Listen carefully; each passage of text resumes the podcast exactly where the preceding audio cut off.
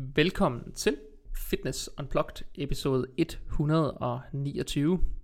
I øh, denne uges episode, der øh, får jeg besøg af en af mine klienter, som jo øh, som har gået ud hos mig i en, øh, det ved jeg ikke, 8, 9, 10 måneders tid, måske snart. Øh, jeg er faktisk ikke helt sikker på det. Jeg tror, det er 9 måneder. Øh, vi skal tale med Christian, og Christian han har for lang tid siden sagt, Jakob, må jeg godt please komme med i podcasten en dag? og øh, øh, det, det er så det, det endte med, det er, at jeg simpelthen har spurgt ham, okay Christian, nu får du lov at komme med, så kan du hoppe med på en episode, og så kan vi tale lidt om, hvordan det er at blive stærk, og hvordan, øh, hvordan det egentlig er at udvikle sig, og hvad man egentlig kan med sin krop. Så det er det, vi skal i, øh, i denne uges udgave af podcasten. Så skal jeg starte med at beklage, at der ikke kom noget i sidste uge, og det er der en øh, rigtig god grund til, at der ikke gjorde. Min øh, producer Jakob og jeg, vi er simpelthen ved at lave helt om i, hvordan vi får optaget de her episoder, sådan at vi kommer til at optage en, øh, en sæson, om man vil, af fire episoder ad gangen, og det kommer vi til at gøre en øh, dag om ugen. Og det skal vi faktisk starte med at gøre herfra på onsdag, og det vil sige, at det har skabt en lille smule forsinkelse, men det gør simpelthen produktionen nemmere for os, nu hvor vi begge to er blevet... Øh, blevet familiefædre og har andre forpligtelser. Så der er kommet en lille pause, men til gengæld skulle det gerne betyde, at når vi er, er forbi onsdagens optagelse, så er vi hele tiden foran på, øh, på podcast, og så kommer der hele så er der simpelthen hele tiden episoder i banken, så vi ikke får de her breaks. Så forhåbentlig så kommer det faktisk jer som lyttere til gode, men øh, desværre har det givet endnu en pause, selvom jeg havde lovet, at dem blev der færre af. Uh, mit navn, det er som altid Jakob Christensen, jeg er svært, og I kan finde mig ind på Instagram som by J.S. Christensen, og det kan I faktisk også finde mig på TikTok, som, så hvis der er nogen af jer, der er helt vilde med TikTok, så hop ind på TikTok, og så tryk følg på min øh, profil, og så kan I finde mig som Startup Mentor, og det kan I faktisk både gøre på Instagram og TikTok.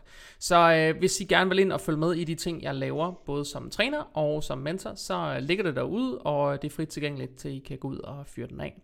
Men nu skal vi til dagens episode og dagens gæst. Velkommen til dig, Christian Skelmose. Jo, tak, Jacob. Du troede så meget, jeg ville komme til at sige Brøns, ikke? Jo, fuldstændig. Jo. Det er jo fordi, jeg har drillet dig mange år. Eller nu siger jeg mange år. Det føles som mange, mange år. Men, ja, øh, men al den tid, jeg har kendt dig, der er jeg jo nok nødt til at sige, at jeg er nok kommet til at sige til dig, at du har lidt frisyrer som øhm, Christian Brøns fra ja. øh, Big Brother.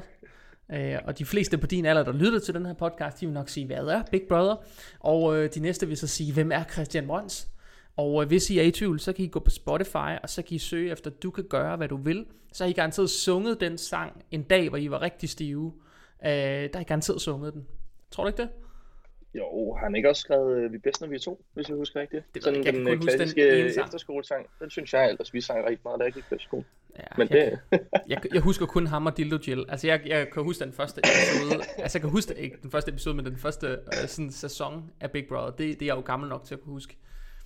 Ja, vi så det på et billedrørsfjernsyn, og så var der nogen, der siger, Jakob, hvad er et billedrørsfjernsyn? Og så er vi igen, der, der er noget med alder, men det må vi tage en anden dag. ja, så er du rimelig moderne, er det ikke øh, det, man skal sige? Nu er du jo både på TikTok og uh, Instagram. Altså, du, uh... Jeg vil bare sige, da jeg præsenterede herhjemme, at jeg er kommet på TikTok, så var hun sådan, hvad fanden skal du bruge det til, Jakob? Var jeg, så var nødt til sådan at sige, jamen, Jamen, det er, jo, det er jo det, der ligesom er det næste, det er TikTok. Det er jo folk, de, er jo, de vil hellere på TikTok, så er man jo nødt til at lave noget indhold på TikTok i stedet for. Så er det jo ligesom den vej, det går. Så det, det. det. Så øh, lige om lidt, og det kan jeg jo så afsløre her, at når jeg begynder at producere med Jakob på onsdag og fremadrettet, så kommer der video på igen, og der bliver faktisk lavet nogle små videobits, som ryger direkte på TikTok og Instagram øh, i det der Reels format. Øhm, så man ligesom får nogle sådan snippets eller sneak peeks, eller hvad man kan sige, til ugens episoder.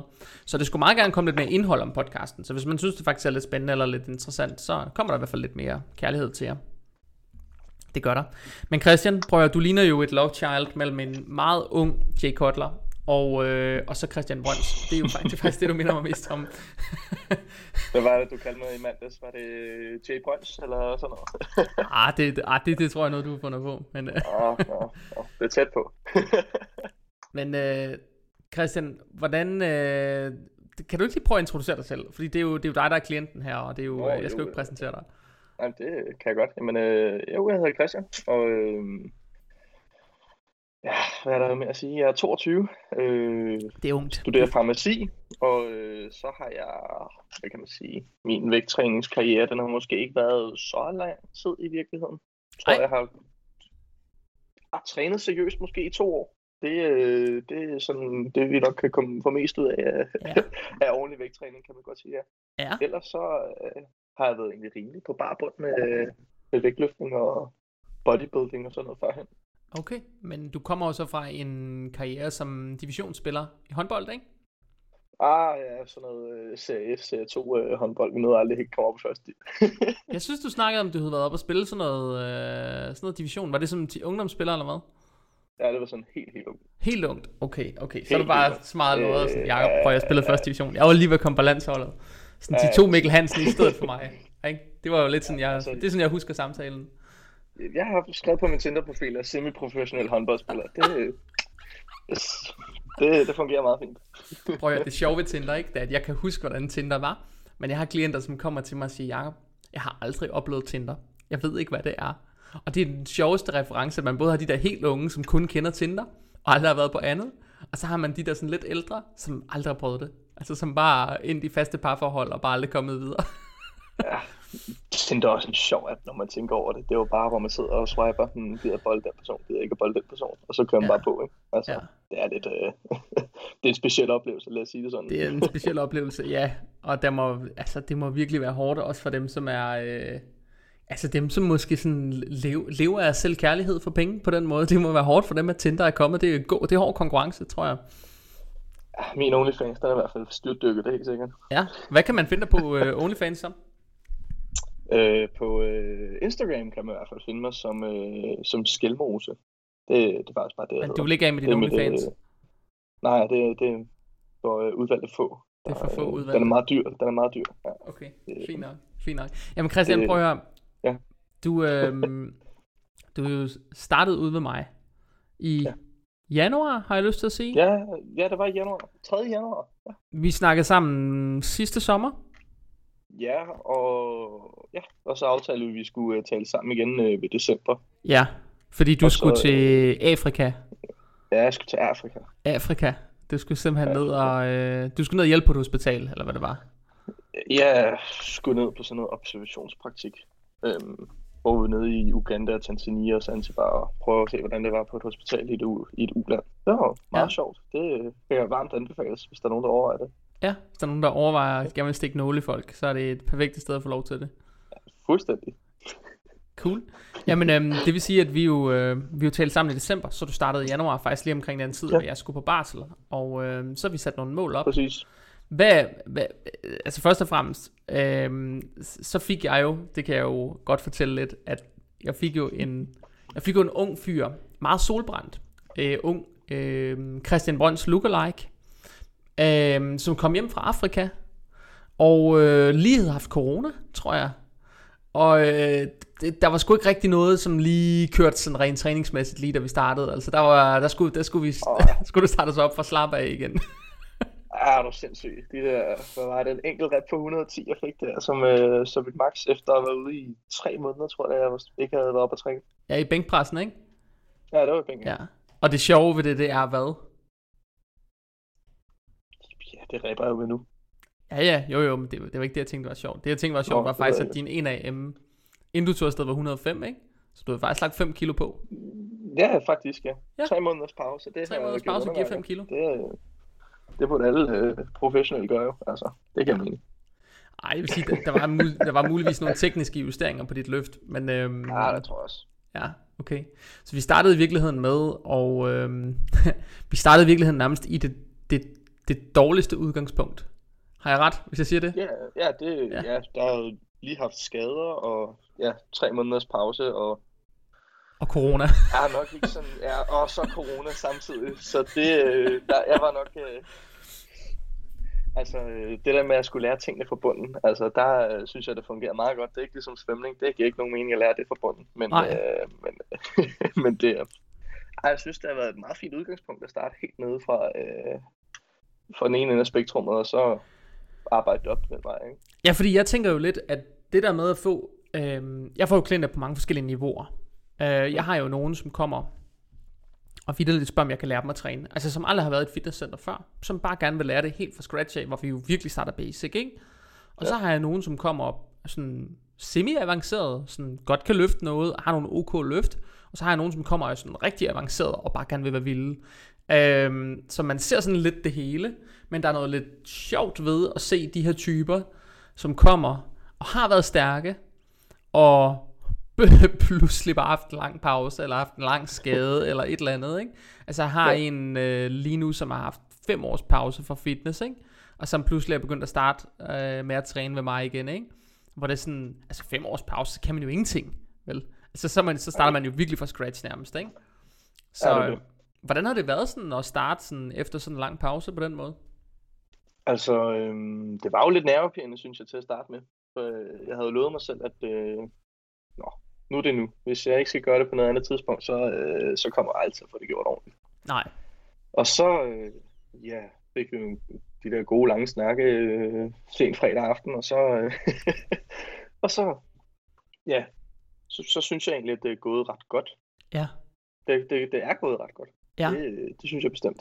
Hvad kunne du sådan, øh, fordi du har jo trænet noget også, du har jo mm. været vant til også at træne sådan en rigtig kælder. Jeg tænker, vi skal have nogle kælderhistorier øh, senere. Oh, ja. øh, men ja, øh, altså. det kan I godt glæde til. altså dem af jer, der har lyttet til podcasten, I har jo hørt om, hvordan altså, jeg har mødt rockere, der bankede deres øh, apprentice, når, øh, når han ikke øh, kunne løfte noget og sådan noget. Så øh, Christian han har trænet et tilsvarende sted, så det, vi skal næsten have nogle historier på banen senere. Men... Ja, ja det, det er...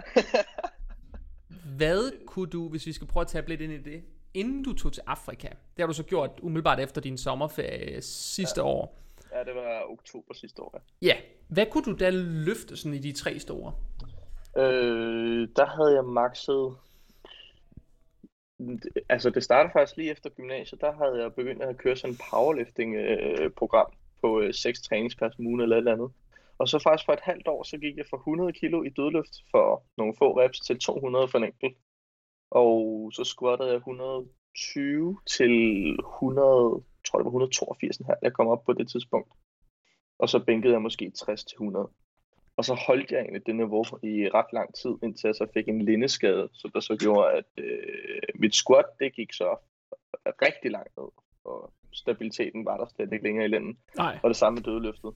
Så der i oktober, der kunne jeg måske hmm, køre reps på 140 i, i, i dødløften måske, 5x5-agtigt, ja, og ja. 100, jeg vil næsten sige 130 i squat for, øh, for reps også. Mm. Øhm, men, men gjorde det ikke særlig ofte, for jeg prøvede ligesom at genoptræne ryg, så jeg kørte meget af det der smertespektrum med, så havde jeg ondt i ryggen, og så havde jeg ikke ondt i ryggen, og så prøvede jeg ligesom at køre mellem, en balance mellem det, og det fungerede ikke særlig godt. Nej.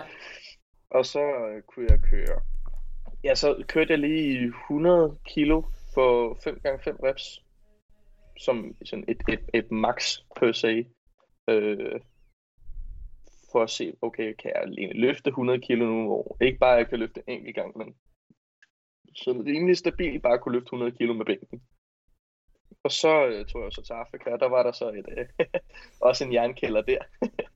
så det, der løftede jeg så 105 for en enkelt, for, øh, bare for at se, om jeg stadig kan. Hvad, ja, så det har været dit max inden vi startede. Ja, det har været øhm, ja. Hvad, apropos, jeg skulle egentlig, ville egentlig have spurgt dig, hvordan det var sådan ligesom at være kommet derop fra, og så helt ned og starte på scratch igen, men jeg kunne godt lige tænke mig at spørge om den der jernkælder i Afrika. Hvad sagde de til, der kom sådan nogle white boys fra, fra Danmark og skulle ind og træne? altså i, øh, i Uganda, der var de faktisk meget flinke. De øh, var sådan lidt, ah, Mr. Mr. White Man, uh, welcome. Og på Zanzibar, der fik man lidt øh, nogle, øh, nogle sjove blikke, det gjorde man godt nok. Og så, øh, ja, så kom, så når vi kommer, øh, det var mig og min roomie, vi var afsted sammen, og mødte hinanden faktisk dernede. Og der øh, kommer vi så ind i den her jernkælder, det er sådan en øh, kickboxing-klub, sådan en kampsportsklub også, der er sådan, også et lægtræningscenter i, i, på Zanzibar. Og så, øh, så ligger der øh, nogle, øh, der er nogle kæmpe store sorte mænd, der, der også bare er nogle, øh, nogle rigtig hakkede, øh, hakkede svin, så at sige. Og så øh, kommer der to hvide drenge og øh, kan løfte dobbelt af, hvad de alle sammen kan. Der, øh, der fik vi nogle sjove blikke, men øh, de, de, de synes, det var meget morsomt, at øh, to øh, 20-årige knægte godt kunne det.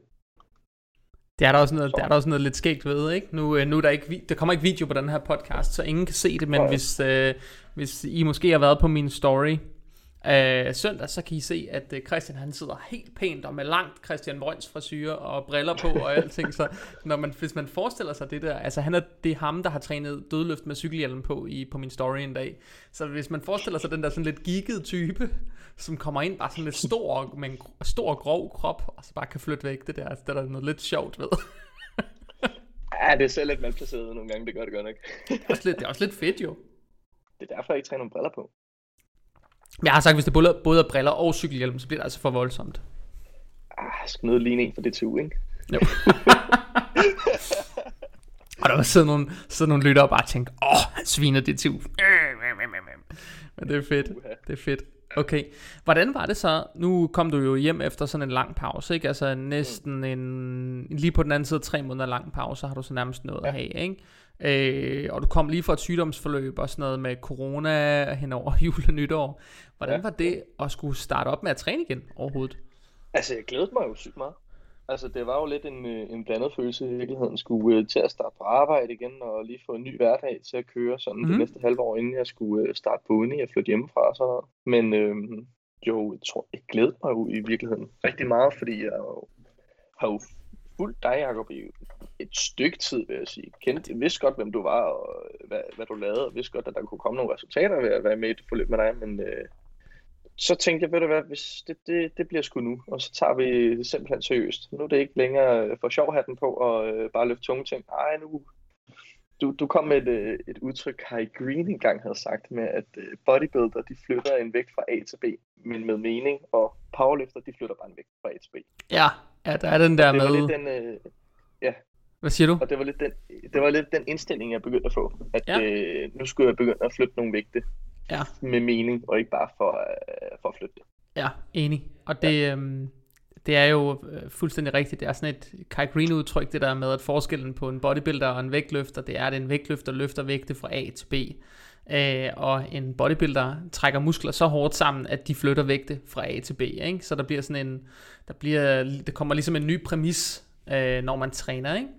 Øhm, og det er faktisk noget af det, som er både sjovt at se ved dig, og det minder mig, du minder mig meget med en klient, jeg havde engang, Mads, som øh, faktisk klarer sig rigtig godt i klassisk fysik, øh, og blev ret vild.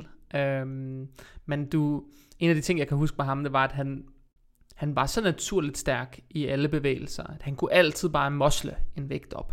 Han kunne altid bare flytte den. Det var aldrig et problem at flytte den, men det var ofte et problem nogle gange at få aktiveret de rigtige muskler, når han skulle flytte den.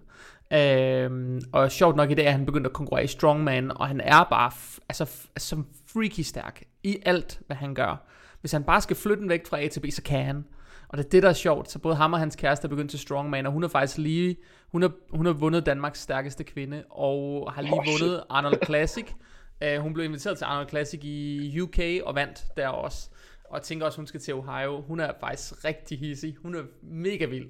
Og når man ser hende, hun, øh. bænk, altså hun bænker jo sådan noget, Christian, hun bænker jo dit max for reps. Altså, ja, det er ikke sjovt. Hun er, er altså, sjovt. hun er altså hissig, når man ser hende træne. Jeg har set hende træne, hvor hun bare ligger med tre 20'er på hver side og kører stem. Det er altså, øhm, ja, hun er, hun er en sej type.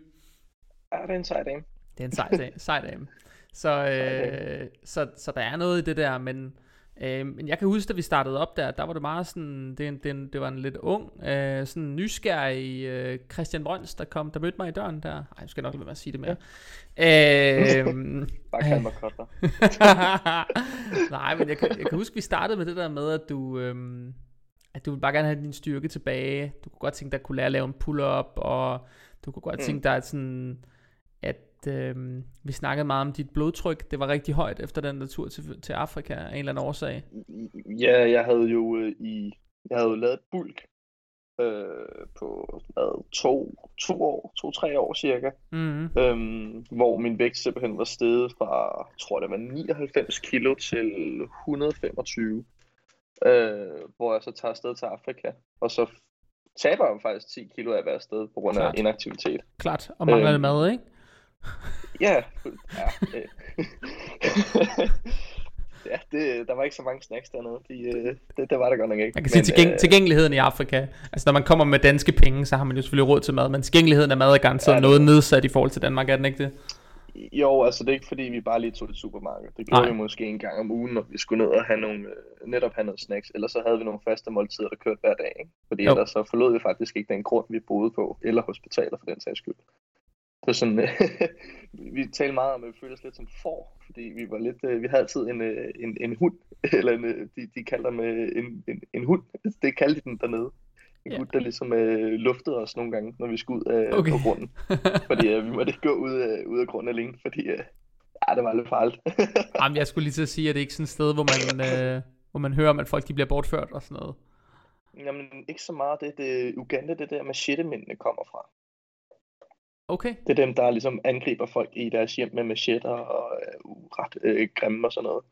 Så vi havde for eksempel øh, to dagvagter, der gik rundt på grunden og ligesom passede på os. Og om natten havde vi syv. Og Syv. der, øh, ja, vi havde syv nattevagter. Så øh, der kommer en af dem. Han kommer bare med en, øh, med en sort taske, og så øh, åbner de den så, og så ligger der selvfølgelig et AK-47 og, øh, og rifler og alt muligt. Så der var en gang en, øh, en fredag aften, hvor vi holdt en fest i det hus, hvor vi boede i. Vi boede øh, jeg tror 12-14 stykker i, øh, på, det, på den grund, da vi var der. Okay. Og så øh, er, er der sådan en plateau, hvor man ligesom sådan en loungeområde udendørs. Og så går vi derop, fordi vi tænker, at vi skulle lige have en fed udsigt og øh, lige have en god snak. Og så sidder der en af vores øh, vagter, der hedder Odege, og så med en øh, AK-47 hen over skødet, og siger hallo. der blev vi lidt forskrækket. Der var lidt noget kulturforskel der. Ja. Men, men, men ellers ikke sådan... Altså vægttabsmæssigt, så gav det meget god mening. Så var Ja. vi til dans måske, og så øh, dyrkede vi lidt kickboxing her, her, her, hister her, og ude løbe en tur en gang imellem. Men, øh, men ja, og så fordi vi var på nogle hospitaler, så skulle vi også have noget undervisning ved siden af. Og så var det jo så, at vi tog blodtryk og, og blodprøver på hinanden, for ligesom at prøve ligesom at, at, at lære noget af det. Og så fandt Ja. ja. vi så faktisk ud af, at øh, ja, der, der havde et blodtryk på 150 over 130. Sådan Ja. ja. bare normalt øh, roligt tidspunkt. Og jeg tænker, Så, der, øh, jeg tænker, der er bodybuildere, som er sådan godt krudtet op, som, som slet ikke har et blodtryk i nærheden af det der. Nej, det er min levertal, det så heller ikke sådan vildt god ud. Det var Nej. og min, og min nyretal for den sags skyld. Men øh, så da jeg kom hjem fra, til Danmark igen, så fik jeg selvfølgelig hele testet, ikke? Der, Jo. øh, yes, der fik jeg også at vide, at det er meget højt blodtryk, du har. Ja. Men snakkede vi ikke også om det der med både lever og nyretal i starten? jo, det gjorde vi også. Var det ikke stadig skævt, da vi startede? Mm, jo, det var nemlig på sit højeste der. Okay. At, Da, øh, så fik jeg så det reguleret nu, ikke? kan du huske, hvad du startede på sådan rent vægtmæssigt ude hos mig? Var det sådan noget 115-16 kilo? Ja, 115-16. Okay, og hvad er vi nede på nu? Sådan noget 102-3 stykker? Sådan svinger ja, lidt? Ja, 102-3. Det svinger lidt mellem 101 100, øh, 103 her i øjeblikket. Som Okay. den normalt jo gør. At Ja. lige kører lidt op, og så giver en kæmpe dyk, og så kører lidt sådan trappeagtigt i virkeligheden. Ja, så lige nu kan man sige, du har været igennem et, vi, vi har haft to vægttabsfaser, så har vi haft en Ja. stabilitetsfase i midten, så vi har haft en vægttabsfase, så har vi haft en stabiliseringsfase, så har vi haft et nyt, en ny vægttabsfase, og nu er vi i virkeligheden i gang med sådan en reverse diæt for at begynde at bygge kalorier op til Ja, netop. kalorieoverskud ja. igen, ikke? Præcis. Hvad, øh, har tallet egentlig rettet sig? Ja, blodtryk er nede på 130 over 80. Okay, Og øh, jeg mangler faktisk lige at få svar fra min læge om øh, nye levertal. Men i sidste måned, da jeg fik taget blodprøve, der så de fint fint ud. okay, Så det, det har hjulpet. okay. Så øh, så det hele, det egentlig begyndt at blive normalt? Ja, Okay. ja, det er det. Både, altså, nyere, både nyere og levertal? Jeg kan ikke love levertallene. Lige starter på uni, så det... Okay, men de var fine, inden du startede på uni. ja, ja, det var det. Ja, det nu er der gået absint i den, og så hold det op. Ja, der er rustur i næste uge, så det... Du, kan ikke, du er nødt til at sige til dem, du kan ikke komme. Min, øh, mit blodtype, det er etanol i næste uge. Det, Du så kommer, hvis man du, tager et glas og ånder ned i den, eller spytter ned i den, øh, når jeg kommer hjem fredag, så er det sådan noget rigtig stærkt koncentreret spiritus, der bare kommer ud. Det, Ja. ja. det bliver skide godt. Jamen, jeg kan godt huske min rustur, så det, øh, det skal du ikke være ked af. Vi havde... det lyder øhm, som en kedelig rustur. Skal man ikke glemme det der? Øh, jo, jeg skulle lige til at sige, vi havde, vi havde faktisk Morten Breum til at komme og spille. Det var dengang, han sådan var ved at blive ny og vild. Øh, der var han ikke, ja, der var han ikke blevet... Ved du ikke, hvad Morten Breum er? Er det ham, der er fugle, eller... Har du nogensinde... Han hedder bare Morten. Hvis Morten du, søger, Breum? hvis du søger på ham på... øh, Okay, du er ikke gammel nok til at huske Morten Breum. Men han laver sådan noget... Øh, han er sådan en virkelig øh, kendt DJ. Han bor i LA nu, men han er dansker. Hmm. Han har sådan langt hår. Sådan langt hår med øh, sådan nogle... Øh, Med tatter og alt muligt. yes, han er totalt overtuset og så langhåret. Nå, ham. Nå, ham. Øh, han har lavet så meget med Nick Jay også. Jeg kan, Åh, det var lige, lavet fester rigtigt. det var, det var lige Ja, dengang, så- hvor han havde lavet de der mix med Nick og Jay. Det var Ja, så dengang, jeg havde... Nu, øh, nu, nu er. Nu ved Vi skal lige huske, at det er altså over 10 år siden, Christian. Det er sådan... er. Det er 2010, vi snakker om. Øh, Men der var jeg jo 10 år gammel, altså. Ja, lige præcis. Så der var du Ja, jo ja. lige på vej til at blive kønsmoden jo. Men, Præcis. øh, men det var altså da jeg var på rustur. Så, øh, Ja. så, så jeg har fået øh, ja, nogle anderledes oplevelser. Men øhm, Ja. det kan man godt glæde sig over. Det kan du godt glæde dig til. Det bliver spændende og sjovt. Det, det, det tror jeg også. Men det vil, det vil sige nu, Christian, at nu er vi egentlig... Du, få, du har fået fikset dit blodtryk. Ja. Du har fået fikset din øh, lever nyretal. Øh, Mm. sådan så godt som. Så nu er du faktisk frisk.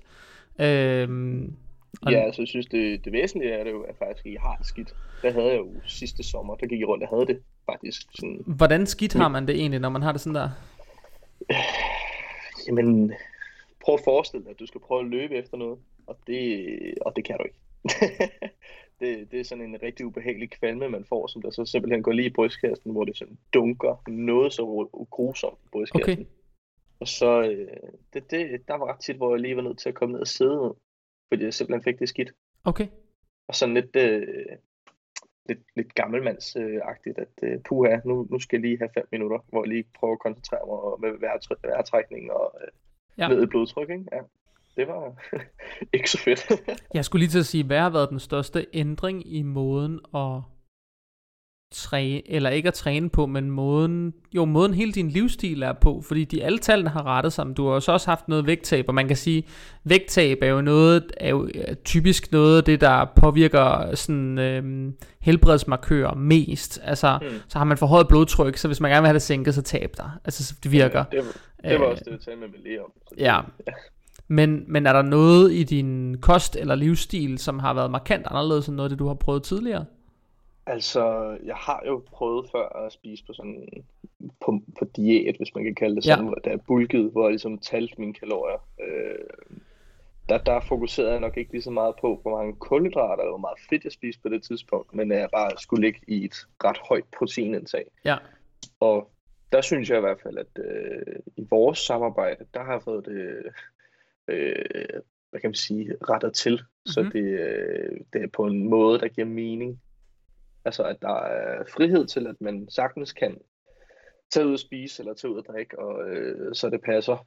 Men at man lever efter den her 80-20-regel, at øh, 80% af tiden, ved du, hvad, så spiser vi bare efter øh, noget fornuft, øh, efter fornuftens øh, tankegang, ja. og så 20% af tiden må det godt være fest og ballade. Men jeg tror også noget, jeg har fundet af, det er, at jeg faktisk ikke spiser særlig meget. Ja. Altså de dage, hvor øh, jeg kunne huske i hvert fald til at starte med, der var der nogle af de dage, hvor jeg trackede, hvor sådan, hm, jeg synes egentlig, det går meget fint. Men så spiste jeg jo måske alt, alt, alt for lidt i forhold til, hvad jeg var vant til. Okay. Så en, Eller de, i forhold til, hvad, hvad jeg skulle bruge i virkeligheden. så en af de store forskelle er, at du spiser mere? Ja. Okay. Altså det er ikke noget den der øh, sult endnu Nej. på, øh, på vores, øh, på det her, i det her forløb. Du spiser egentlig videre. okay nu, gør du ikke det? Jo, hvad er det, vi er steget fra 3.000 til 33.05 i, Ja, ja, på de okay. store dage, eller Ja. ja. på fem dage uge, og de Jo. to andre, der er det sådan noget De er knap 3.000, 28. ikke? Ja. Ja, 2800 eller eller andet, og det... Jeg kunne godt huske, hvad var det? 2450, der var det laveste. Ja. Der var der, no, der var der nogle gange, okay, fint nok. Hvis man lige har gået 15 km på arbejde, ah, så, så presser det lidt, ikke? Jo, jo. Det synes jeg i virkeligheden også var meget rart, at det ikke var sådan noget, hvor man ligesom skulle stoppe maden i sig. At det var mere sådan, okay, nu er jeg faktisk sulten. Ja. Så når man går i seng og lige har spist aftensmad, ved du hvad, jeg kommer til at være sulten i morgen tidlig. Ja, ja. Det, det var faktisk ikke så galt, Okay. synes jeg. Er der været noget anderledes i forhold til kostsammensætning? Fordi du tracker jo faktisk bare, altså vi har selvfølgelig haft nogle snakke om, hvor anbefalinger og hvad man kan gøre og sådan noget, men, men du tracker Mm. jo faktisk bare selv og sætter det sammen efter Ja. den fordeling, jeg ligesom sætter op til dig. Præcis. Mm, altså, det ved jeg ikke helt. Spiser du mere frugt og Så- grønt, eller spiser du mere fiber, eller Altså, altså, er der nogle af de der ting, som yes. du ændrer på? Altså, jeg spiser i virkeligheden rigtig varieret. Altså, øh, hvad kan man sige, den der grundregel med, at øh, fredagslæg og lørdagslæg, det holder vi os dertil som udgangspunkt. Men ellers så har jeg jo opbygget sådan et, nogle grundmåltider. ja. man kan kalde det det. At så meal prepper en gang om ugen, hvor jeg simpelthen laver min frokost og aftensmad til hele ugen, så fra mandag til mandag. Og så kører jeg ligesom i sådan en, i sådan en rytme, så det ligesom, så har jeg bare en fast morgenmadsvarianter, som jeg synes, okay. der er fine. Men det... de, de måltider, du så prepper, det er jo nok det mest forudsigelige. Er, stru- ja. strukturen i de måltider meget anderledes, end det du havde inden? Så? Mm, altså jeg spiser nok lidt mere faste tidspunkter, hvis det er det, du prøver at fiske efter. Nej, men jeg tænker bare sådan strukturen i selve måltiderne. Altså i forhold til, da du kørte det der store bulk, inden du tog afsted ja. til Afrika. Er der, sådan, er der forskel? Eller er det ja, virkelig altså, random, at det er faldet? Mm, det, det ved jeg ikke. Det, altså jeg vil nok umiddelbart sige, at sådan, jeg har jo bare fjernet mange af snacksene. Ja. Øhm, så i stedet for at have de der, hvad kan man sige, seks store måltider i løbet af en hel dag, mm-hmm. så tror jeg, jeg kørte 4500 kalorier på et bulk, da jeg var alene med, med det. At så, øh, ja, nu kører jeg så bare nogle større måltider ad gangen i virkeligheden. Ja. Og så holder jeg mig med i længere tid. Og så netop også det der, så jeg får lidt en fornemmelse af, at nu vil jeg gerne have noget at spise. Ikke fordi jeg skal, men fordi jeg faktisk har lyst til at spise noget mad. Ja, ja, ja. Du spiser færre måltider i løbet af dagen nu? Ja, altså nu spiser jeg måske fire morgenmad, okay. frokost, aftensmad, og så en snack måske om eftermiddagen, eller en snack om aftenen. Det er okay. lige, hvad der passer, ja. Cool. Mm. Det er jo det er jo altid sådan lidt spændende at høre det der med, du ved ham, fordi det er jo altså vægttab. Det at begynde både at styrketræne, og du har også konditionstrænet en del i starten. Jeg ved faktisk ikke helt, hvor meget du gør det mere, men... Øh... Jeg har faktisk begyndt, at jeg løber stadigvæk en lille smule. Okay, men du gjorde ja. det i hvert fald en del i starten, fordi det var egentlig ja. et fokus at få blodtrykket bragt lidt i orden, fordi vi snakkede meget om, ja. at hvis blodtrykket kom i orden, så ville de nye tal formodentlig blive lidt bedre, for der var mindre pres Præcis. på de nye, og så ja. kunne det godt være, at det ville rette sig lidt. Og det har jo så ja, egentlig rettet sig. Ja, det er det. Vi kørte sådan noget, øh, hvad var det, impulstræning. Ja, du havde sådan ja, noget, noget, øh, du, lavede sådan, du lavede sådan noget hit-træning i starten, ikke? Ja, ja, sådan noget øh, ret skånsomt forledende, men ligesom noget, øh, noget intervaltræning for ligesom at prøve at øge øh, pulsen så meget som muligt. Det er jo ret sundt for hjertet, for ja. det ikke bare kun handler om at, at spise færre kalorier, men også at øh, man får presset kredsløbet en lille smule. Ja. Og så samtidig få lavet noget, øh, noget solid vægttræning. Ja, ja, lige præcis. Og det er jo det sjove ved det er, det er der faktisk mange, der ikke tænker over. Men jeg siger tit, at noget af det bedste, man kan gøre, hvis man faktisk gerne vil have et bedre kondital, mm. det kan være at begynde at styrketræne. Fordi ja. når man styrketræner, så kommer man helt automatisk til at lave rigtig meget øh, øh, højintensitets intervaltræning. Mm. Fordi det er det styrketræning er. Man træner og får pulsen bragt langt ud af kurs, og så holder man pause, og så træner man og får bragt pulsen højt op igen, og så træner, og holder man pause, og sådan kører en helt vægttræningssession jo egentlig, hvor øhm, hvis man kigger på sin puls, når man for eksempel laver et squat, så tror jeg, man vil blive meget overrasket, hvis man så, hvordan pulsen udvikler sig hen over 8 reps squats, og så rækker den igen. Så tror jeg, man vil se, at ens, ens puls går måske fra sådan noget 90-100 slag. I nogle tilfælde bevæger den sig helt op til sådan noget 160-70 slag, og så kommer den ned igen. Så der er nogle kæmpe udsvinger. Det er der selvfølgelig ikke, når man biceps curler, men det er der altså ved mange af de her store løft, nogle ret store udsving, ikke? Jeg skulle lige til at sige, du har da taget mig så sjove billeder af mig, der ser øh, ret presset ud. Ja. Fordi det, der, bliver altså også, der bliver altså også presset på med, med, med, med pulsen i virkeligheden. Ja. ja. Sådan er squatter, hold nu kæft. Over 6 rep, det går slet ikke. Det, øhm, jeg vil sige, du har i hvert fald givet udtryk for at brokke dig, men nu har du også givet udtryk for øh, gerne vil have mere hypertrofi orienteret træning, ja. så det kommer stille og roligt. Ja, jeg glæder mig. Jeg glæder mig. Nu, øhm, nu, er vi jo, øh, nu er vi jo startet op, Christian, med, øhm, med, med, med alle de her løft igen efter nytåret. Og du skulle hmm. til i gang med at træne igen. Men øh, det var jo egentlig det, jeg ville have spurgt dig om. Hvordan var det at skulle i gang det der med, efter sådan en lang pause? Var det, øh, var det hårdt? Var det svært? Var det, hvordan, hvordan føles det? Var det let? Altså, lige til at starte med, så det der med at komme ind i en gamle rutine med, at nu øh, tager vi op og træner og sætter tid af til det. Fordi det er jo, altså, kan man jo lige, det, det er jo, skal være ærlig omkring det, det er jo tidskrævende. Det, altså nu synes jeg, nu træner jeg jo kun fire gange om ugen. Mm. øh, at, ja, fire træningspas med måske hvad, det tilsvarer til halvanden time, to timer måske i virkeligheden. Ja. Øhm, og så løber jeg måske to ture om ugen på cirka en halv time okay. i, øh, et tidsmæ- tidsmæssigt. Øh, det, det, det er jo tidskrævende for ens hverdag. Ja. Øhm, men det er jo ligesom sådan, det, det har vi jo talt om, jeg er måske lidt mere en nørdet type, så det er jo faktisk virkeligheden bare gjort. Jeg valgt prioritere ved at sidde foran en computer to timer, eller ved at, sidde, ved at faktisk gøre noget, der er sådan, jeg kan have gavn af. Ja. Sådan, udover den følelse af, at yes, nu har jeg siddet og hygget mig i to timer, at nu har jeg faktisk fundet ud af, at Ja. nu har jeg brugt min krop, og nu kan jeg faktisk sådan, jeg vil ikke sige med god samvittighed, fordi det, det, det synes jeg er forkert at udtrykke på den måde, men nu kan jeg sådan være lidt tilfreds med, nu har jeg ordnet de her ting i løbet af dagen, jeg noget mm. af Mm. det praktiske, Ved du nu kan jeg godt sidde og slappe af med, ja. med god samvittighed for eksempel. Nu Siger at nu har du, jeg ordnet de praktiske ting. nu siger du det der med at begynde at træne halvanden, to timer, fire gange om ugen. Um, Ja. der tror jeg bare lige, jeg vil understrege, det er alt inklusiv, ikke? Altså det er inklusiv din opvarmning og din statiske udstræk, og ja, altså alt, hvad du nu laver. Fuldstændig. Øh, er- omklædning og, øh, jeg vil lige sige bad og alt sådan noget, men det hele er med der, ikke? Er ikke badet, vil jeg sige. Ikke der, badet, der det er langt. mig lidt. Det er langt. Nu bliver det, Det er nu bliver det langt, snart kort for alle fitnesscentrene, der har ikke råd til det varme vand, så de, de slukker bare for, for, for varmvandsbeholderen, for at få folk Ah, ud. hold kæft, hold kæft. Der skal altid være varmt vand. Jeg tror faktisk helt seriøst, at, det, der kom, at fitnesscenteret kommer til at gøre det. Jeg tror, de kommer til at slukke for det varme vand. Jeg ved, i Fitnesslab har de, har de skruet ned for, hvor varmt, øh, hvor varm kedlen er, fordi det koster for Mm. mange penge. Så man har er havde det ikke også i, øh, altså i Tyskland, der har det jo alle lukket alle offentlige institutioner ned for, øh, for varmt vand. Så der er tilbyder de kun koldt vand nu.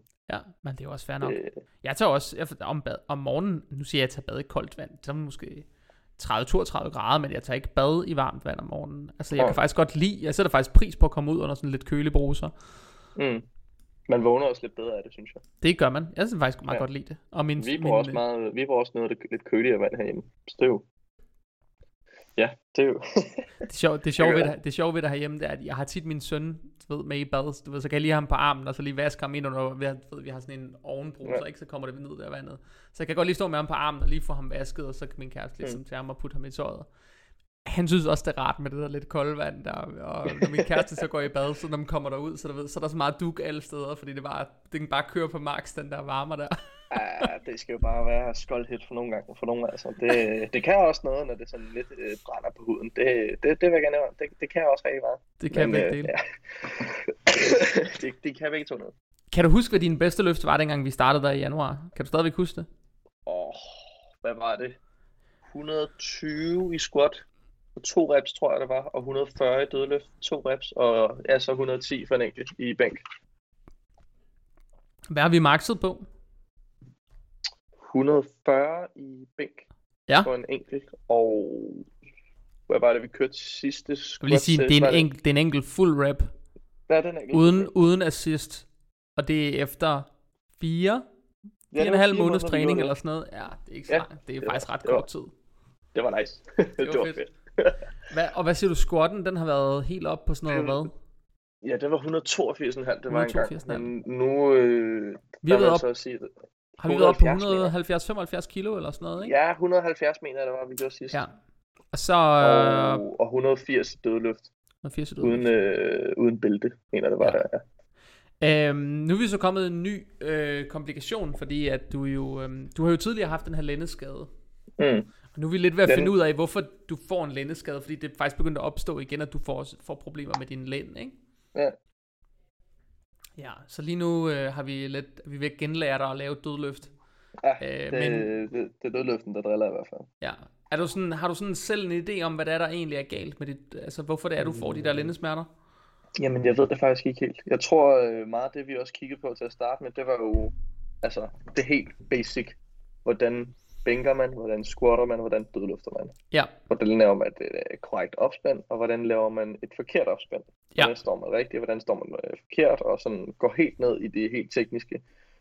Nu skal du ikke bare tage stangen ned til brystet, du skal gøre det på den her måde, hvor du følger de her cues, og på samme måde gjorde vi det jo med alle de andre ting også. Ja. Øhm, og, og der tror jeg egentlig i virkeligheden bare, at ja, altså bundniveauet, det er jo på, en, det skal jo korrigeres på en anden måde nu. Fordi Mm. nu er der jo alligevel, og får lyst til at sige, 13 kilos forskel. 14 kilos forskel Ja. fra da vi startede. Ja. Og der, øh, hvad kan man sige, der havde kroppen jo så også altså, haft en god lang tid til at holde en pause. Lige komme sig helt og øh, genopfylde depoterne og, øh, og, få noget, øh, og få noget næring ind, på en, øh, uden at det hele bare skulle forbrændes på samme tid. Ja, rigtigt. Du er kommet med sådan en, det jeg vil kalde en frisk krop på en eller anden måde, ikke? Fordi ja. Selvom du, Øh, selvom du har haft, altså du har haft en lang træningspause, men du er jo, altså, så, så det er jo også noget, det en træningspause nogle gange kan, det er, det giver jo sådan en, det giver kroppen nogle nye forudsætninger, alle småskader, alle, sådan, alle steder, hvor man lige har været lidt slidt, eller lige har været, haft lidt inflammation, og lige har været lidt øm. Det, er sådan, det, det får ligesom lov at hele, stille og roligt, og, og under nogle helt andre forudsætninger, nemlig den forudsætning, at man giver det god tid. Øhm, men et af de issues, som vi jo snakker meget om dit dødløft de sidste mange gange, vi har dødløftet, fordi og vi har kigget rigtig meget på, om vi kunne ændre på måden, du løftede på, så, din, så du ikke belastede din lænd lige så hårdt. Mm. Øhm, hvad for nogle ting har vi justeret på det? Er du bevidst om det? Øh, ja, det er jo den her linderyg, der øh, den helt klassiske, der kommer til at bøje mig for langt forover. Ja, du er sådan en... Det, at du natur, yeah. naturligt gerne vil runde ryggen lidt, når du løfter, ja. i princippet, ikke? Ja, virkelig. Ja. Det, det vil jeg rigtig gerne. Men det er også kvæg af min øh, øvre ryg. Den er også, den, øh, den vil også meget hellere frem, end den vil tilbage meget naturligt. Ja. Øh, så at sige. Så der har vi i hvert fald kigget meget på øh, faktisk min hovedplacering. Ja. Altså, hvor jeg kigger hen. Hvor ja. mit hoved er, er retning og... Så det er sådan noget hoved-nakkestilling, altså simpelthen, hvor meget ja, spænder man op i nakkemusklerne og sådan noget. Ja, ja. For, og det vi som talt om, at det er jo, at sådan, hvis vi stakker sådan, øh, musklerne fra top hele vejen ned, og så spænder op i latten i et dødløft, jo, så er det, at det hele vil jo ligesom... Nu snakker du om muskler, men du mener rygvivler, ikke? Ja, rygvivlerne. Det er ligesom ja. de her, de stakker op ja. og ned af hinanden jo.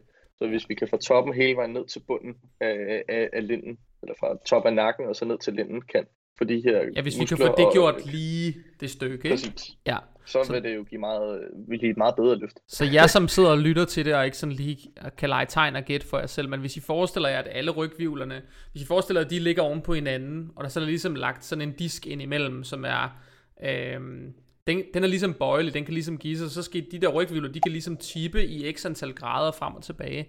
Og der skal I jo prøve at forestille jer, hvis man trækker i rygsøjlen i begge ender og vrider den den samme vej, så den kommer til at stå som et C, så opstår der jo en gradvis større og større belastning på hele rygsøjlen. Og en af de udfordringer, vi så har med Christian her, det er, at Christian han har faktisk en okay lang overkrop, fordi han er, øh, han er forholdsvis høj. Hvad, hvad er du, en meter 87 eller sådan noget?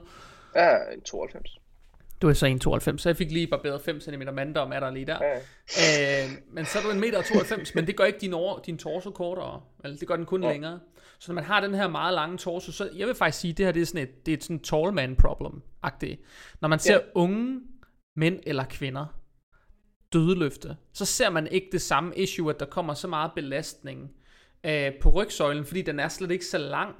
Og det er jo sådan en, det er jo vægtstangsreglen, eller vægtstangsprincippet, der kommer i spil der, ikke? Også jo mere belastning der kommer øh, øh, i, i den ene ende, desto, desto mere belastning kommer der i den anden ende, ikke? Så, så jo mere man vrider i den ene ende, desto mere øh, sådan torque opstår der i den anden ende, og det, er jo, det kan jo være et problem, ikke? Så, øh, så det vi kigger på lige nu, det øh, som du siger, dine nakkepositioner, så hvad mere? Ja, hofteplacering, eller hoften i virkeligheden ja. også rigtig meget. Hvordan øh, jeg ligesom åbner min hofte. Hvad ja. er vi gået fra et øh, lidt smallere faktisk fodplacering nu? Ja, vi går til det er sådan noget semi-sumo her. Ja, vi er gået fra sådan en meget bred sumo til sådan en mere sådan en mellemting mellem sumo og en konventionel og dødløft, ikke? Ja. ja. Men det kommer også øh, det her tallman-problem, du selv øh, kalder. Det er jo... jeg, jeg er nok heller ikke den verdens mest smidige fyr. Nej. Som jeg så også er i gang med. Det skal du ikke skrive på din Tinder-profil. Nej, det, jeg er ikke smidig. Det, det bliver. ja. Men, så, øhm, så er der sådan en ting med dit bækken også, ikke? Ja, det, det, det, det, det kan ikke tilte særlig godt. Nej. Det, det, det tilter ikke særlig godt bagud. Det har det meget hellere sådan frem, ligesom i en, øh, ligesom skubbe hoften frem end, end tilbage. Der, ja. der er ikke særlig meget mobilitet der. Det, Nej. det har der aldrig været. Det, Nej. Den er meget låst, når den sådan skal prøve at tilte bagud. Ja, så det er egentlig det, vi går og tumler lidt med. Jeg synes faktisk, ja. at vi, jeg tror, sidste gang vi gjorde det, tror jeg, nåede vi der ikke frem til sådan et, et rimelig godt setup, hvor din rygsøjle faktisk bliver ret flad fra bækken til nakke, jo. eller hvad man skal sige. Jo, det føles også rigtig godt. Ja. Det, det træningspas, skal jeg huske. Så. Nu er du bare nødt til et nyt problem. Nu er det, taget, nu er det pillet styrken af. Nu skal du starte forfra en gang til. Ja, fuldstændig. Sådan er det. Sådan er det. Men ja. Skidt med det. Men, øh, men det kører faktisk, og det er jo, øh, det er jo noget af det, som Altså noget af det, som jeg tænker meget på i forhold til dit forløb, det er, at du vil rigtig gerne være bedre til at bænke. Fordi det var det, du ligesom følte dig dårligst til. Men det var faktisk det, du har ja. rykket dig hurtigst på. Både i procenter, men også i kilo. Det er faktisk det, du har ja. rykket dig hurtigst på. Det er dit bænkpres, altså, ikke? nu har vi også trænet bænk to gange om ugen i ja, øh, snart 8 måneder, vil jeg sige. Ja, Mhm. 8 måneder. Så det, det giver også meget god mening et eller andet sted. Ja, Men ja, teknikmæssigt, så er der også sket en klar forbedring. At det, ligesom du siger, nu musler jeg ikke. Nu bruger jeg faktisk musklerne til at, øh, til at lave noget, end at de bare er der. lige præcis. Ja, ja, men og det er jo, det er jo mange ting, der er blevet justeret også i forhold til bænkpres. Det er jo både altså hele måden at lave opspænd på, hele måden at aktivere bænken Ja. på, at bruge gulvet på og sådan noget. Altså, der er mange ting, der er kommet i spil, ikke? Men, Det er jo det. Det er, jo blevet mere, det er jo mere en full body øvelse nu i virkeligheden. Det, øh, jeg får krampe i ballerne, det gør jeg. Ja, og det er sjovt. Du ved, jeg havde en i sidste uge, som øhm, vi skulle lige rette hans bænkpres til, og så var han sådan, for helvede min hofte, siger han så. Og der sådan, du ved, den første gang folk de lægger sig i sådan et ops, opsvej til et bænkpres, selvom det måske er en, et meget mildt opsvej, de kan lave i starten, hvor man ikke har så meget mobilitet i rygsøjlen, så er det stadig sådan, man kan blive sådan helt spændt i hofter og baller, når man fordi, hvis man, især hvis man kommer til ikke at koncentrere sig om det, ikke, så kan det blive, det kan Ja. blive ret morsomt. Så Jeg synes øhm, også, øh, i lysken og forlovene, der kan også nogle gange være noget så grimt, når man lige har kørt et sæt, og så er man sådan, okay, nu skal jeg lige strække benene ud, fordi Ja. hold da op, der, der gik det simpelthen i krampe. Ja, men det, øh, det er fedt. Og når folk hører det her, så vil de være sådan, så hvad snakker de om det bænkpres, man? Jeg skal bruge min, øh, sprog, øh, hvad var det, jeg, jeg hørte en på en TikTok, apropos, som kaldte det en pattegris. Man skal bruge pattegrisen. Ja, det har udtryk, jeg har aldrig hørt før, men øh, der hvor jeg kommer fra, det er er- patkassen. Men øh, Hatkassen. ja, Tja, sådan er det jo ikke der, helt. øh, der, der lærte jeg, at jeg skulle bare løfte, eller at smadre dig. Det, okay. Det er sådan, jeg har lært det. Det, det, er ikke, det er ikke noget, du har lært af mig, vel? Nej, nej, ikke dig. Ikke dig. Det, Det- er jo de der gamle kælderhistorier. Jeg skulle lige så sige, er vi på en kælderhistorie nu? Det, det ved jeg sgu ikke. Det, jeg ved ikke, hvor, øh, hvor du har jo sagt det mange gange i din, øh, men det der med den øh, helt klassiske, øh, så træner vi bryster, så træner vi ryg, så træner vi arme, så træner vi skuldre, så træner vi ben, og så træner vi mave. Det er dage, hvor man så har måske 10 øvelser af enormt mange sæt, og så, øh, der kan jeg i hvert fald huske, at jeg har haft nogle, øh, der hvor jeg er fra, i, øh, nord for Roskilde, der er, der er der nogle, øh, der er der nogle sjove typer, der, øh, der godt kan være lidt, øh, ja, du ved, de der, der bærer rygmærker, og så tager dem af, når de så skal op og træne. Og så Ja. øh, er de nede i træningscenteret, og så hygger vi alle sammen sammen, og så er det bare liv og glade dage. Og så øh, helt grøn, så går jeg selvfølgelig hen til, øh, der har jeg lært, at øh, typisk i træningscenter, dem man lærer mest af, og dem der er mest venlige, det er dem, der ser farligst ud. Ja, det er simpelthen din læring.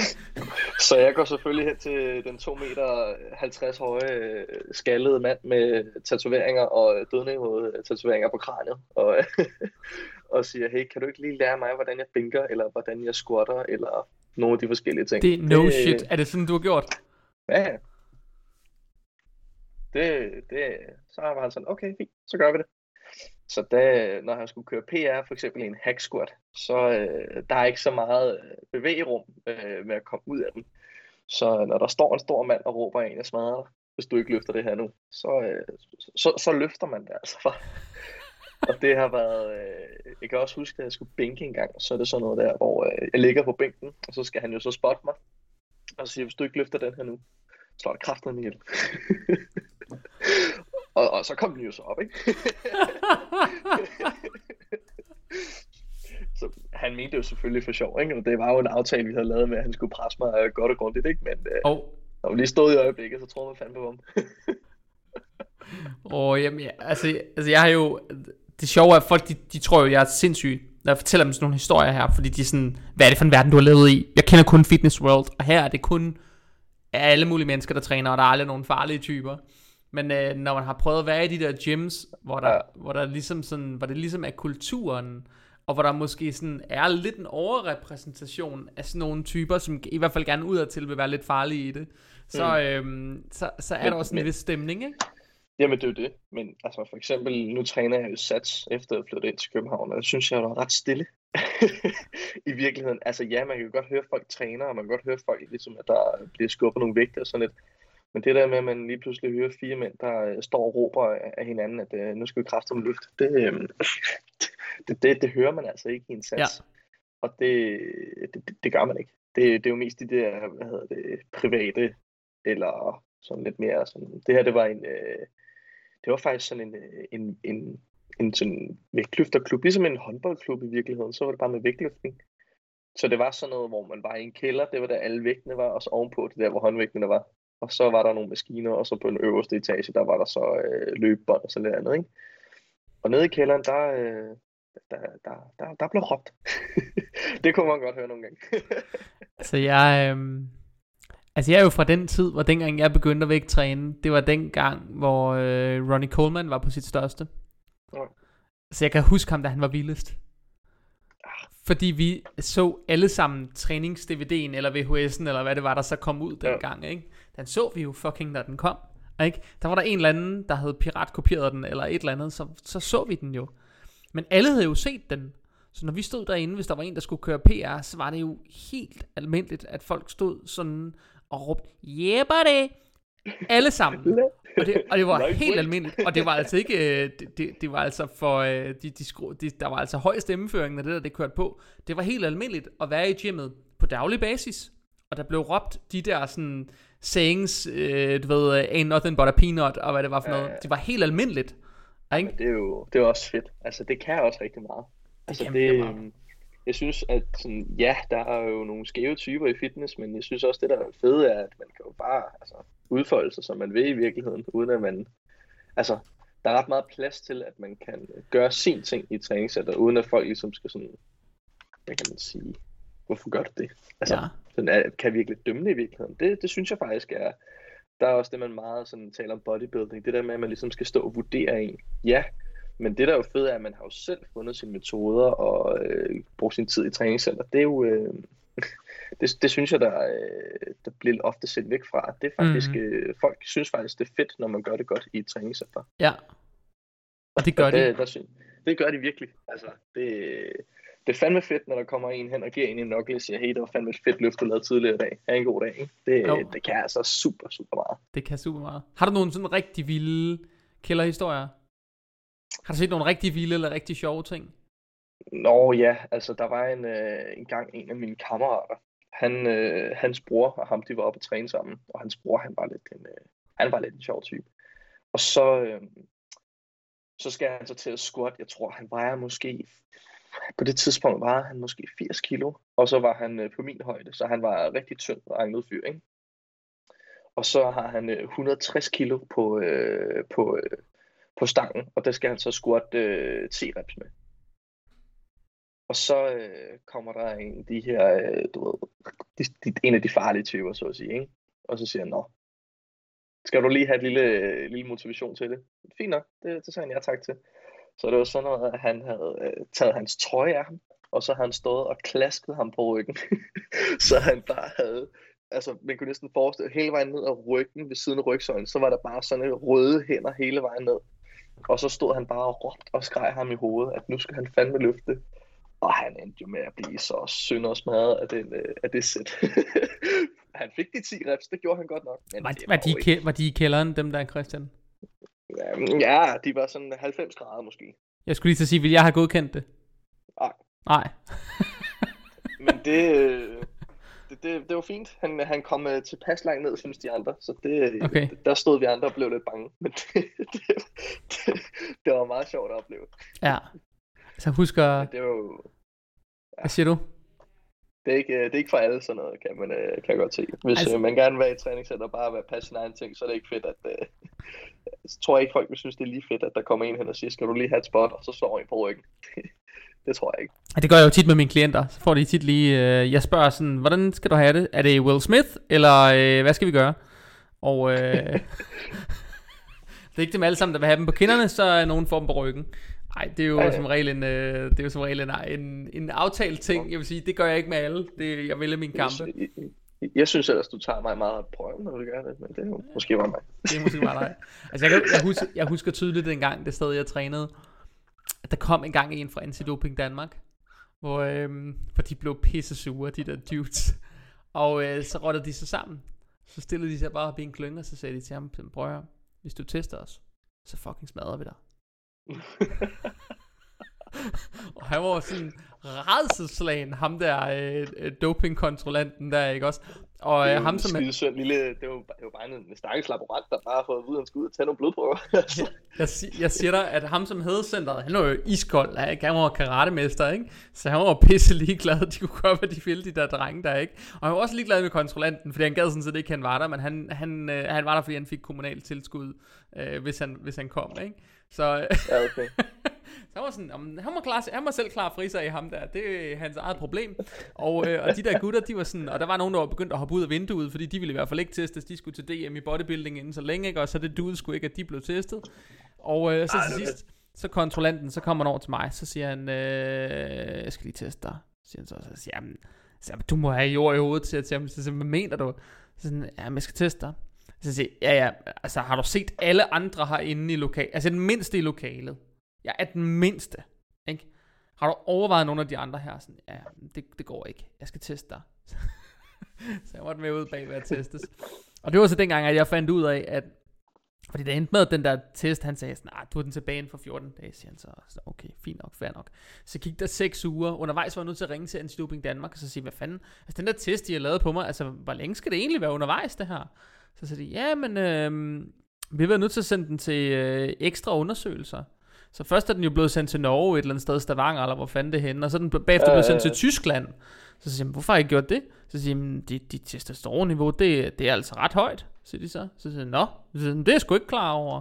Så kommer den tilbage, og den var jo negativ testen, men så er den, øh, så, har jeg, så har jeg det, de, øh, de kalder naturligt forhøjet testosteronniveau, så det var sådan, det var sådan min, øh, min, øh, det var sådan, det var sådan 45 eller sådan noget, hvor den naturlige range op til, var det 40 eller 42 eller sådan, slået Ja. ja. 45, sådan lige out of range, ikke? Øh, okay.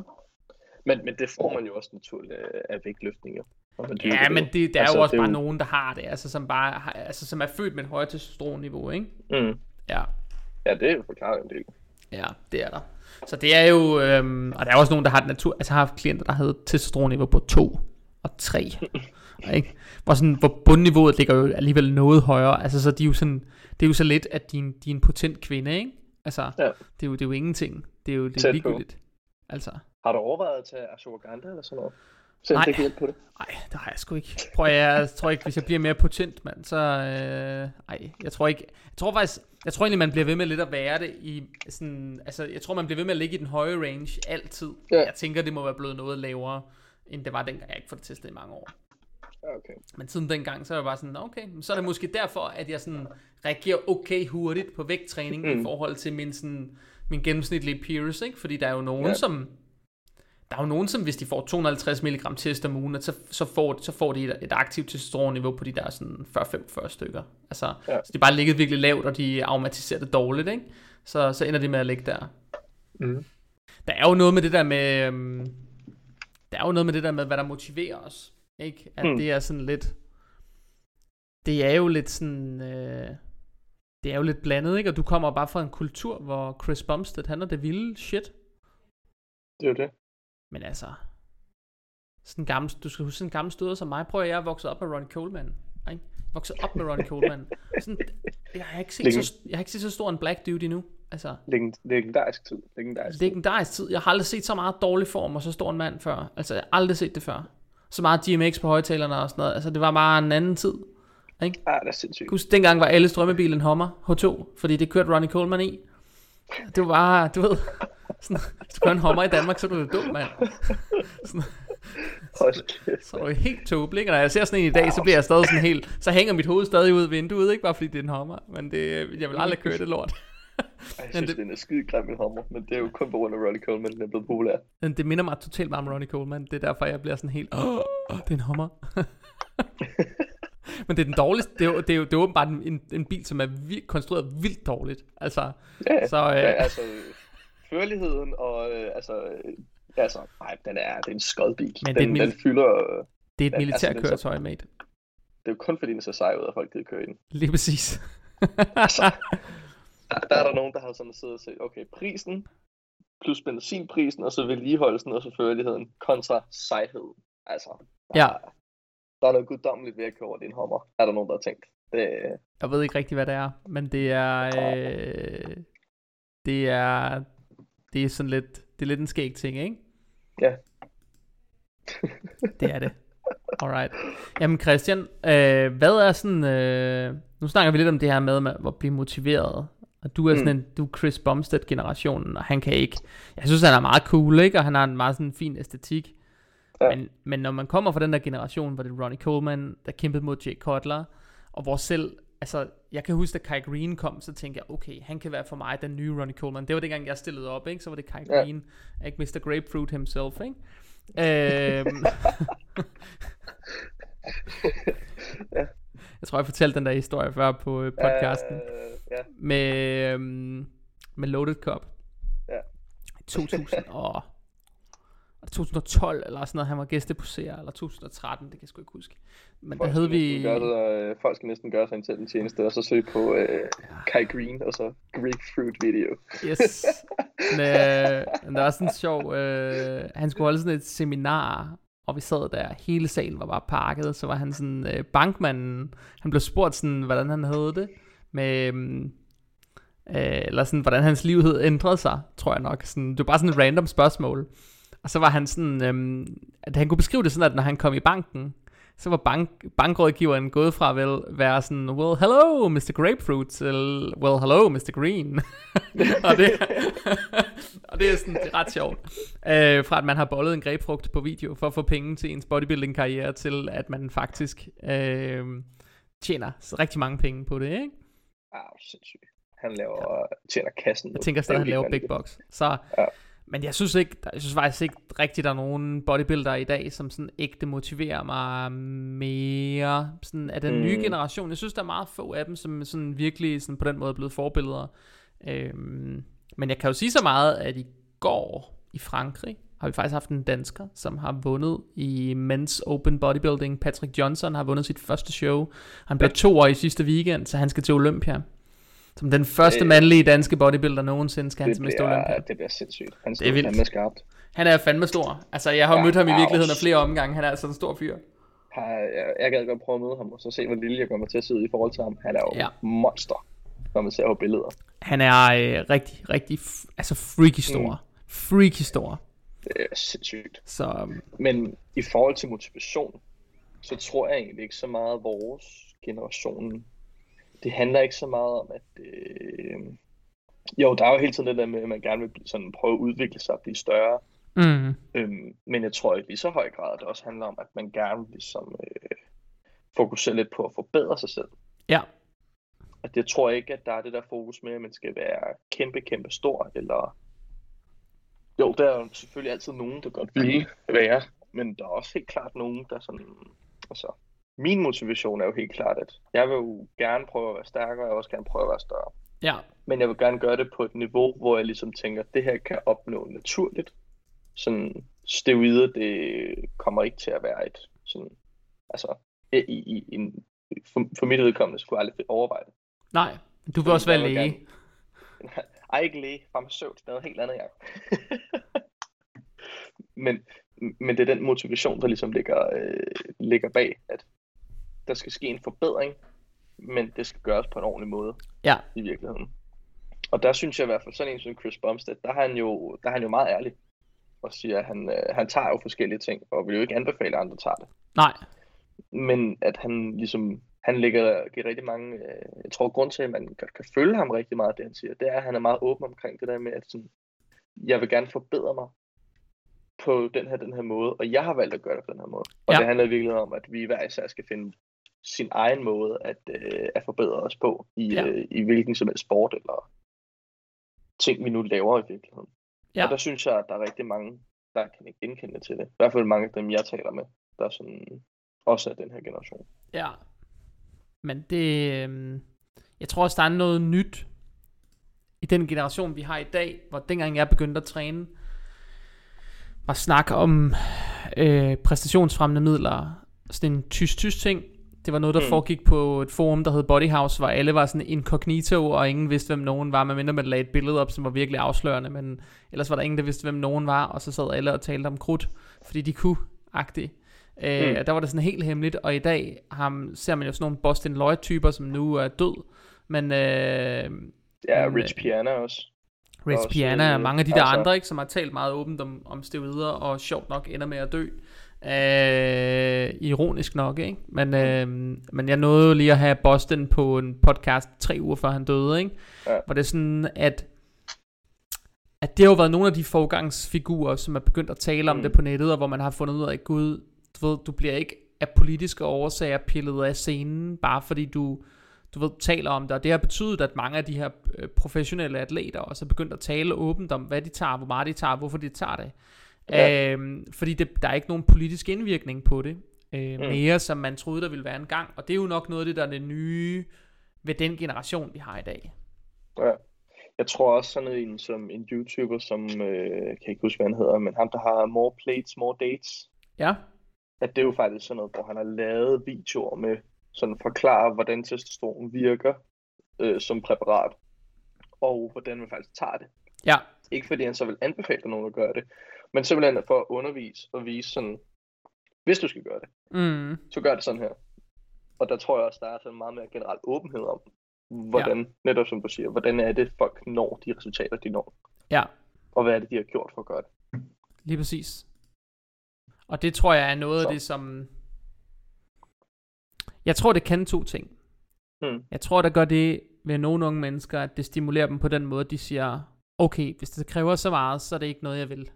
Agtigt. Så jeg Præcis. tror, det skræmmer nogen. Men jeg tror også, der er nogen, Mm. der siger, okay, hvis det er det, han har gjort, så gør jeg det fucking også bare. Ikke? Så jeg tror, det, det er både er godt og skidt. Altså, øhm, Ja, det, altså man ser jo mange flere, i hvert fald hvad jeg øh, har oplevet og, øh, og høre om, mm, at der er jo mange flere på min alder, der også tager steroider. ja. Og det og det er jo, det er jo, det er jo hul i hovedet.